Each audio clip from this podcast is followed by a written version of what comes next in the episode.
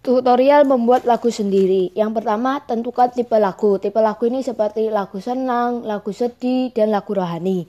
Yang kedua, tentukan genre lagu.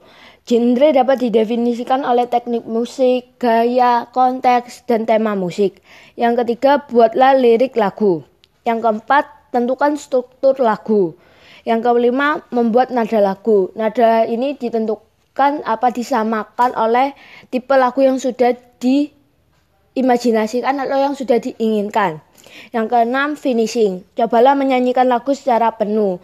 Jika sudah menemukan lirik, nada, dicoba untuk latihan apakah cocok atau pas.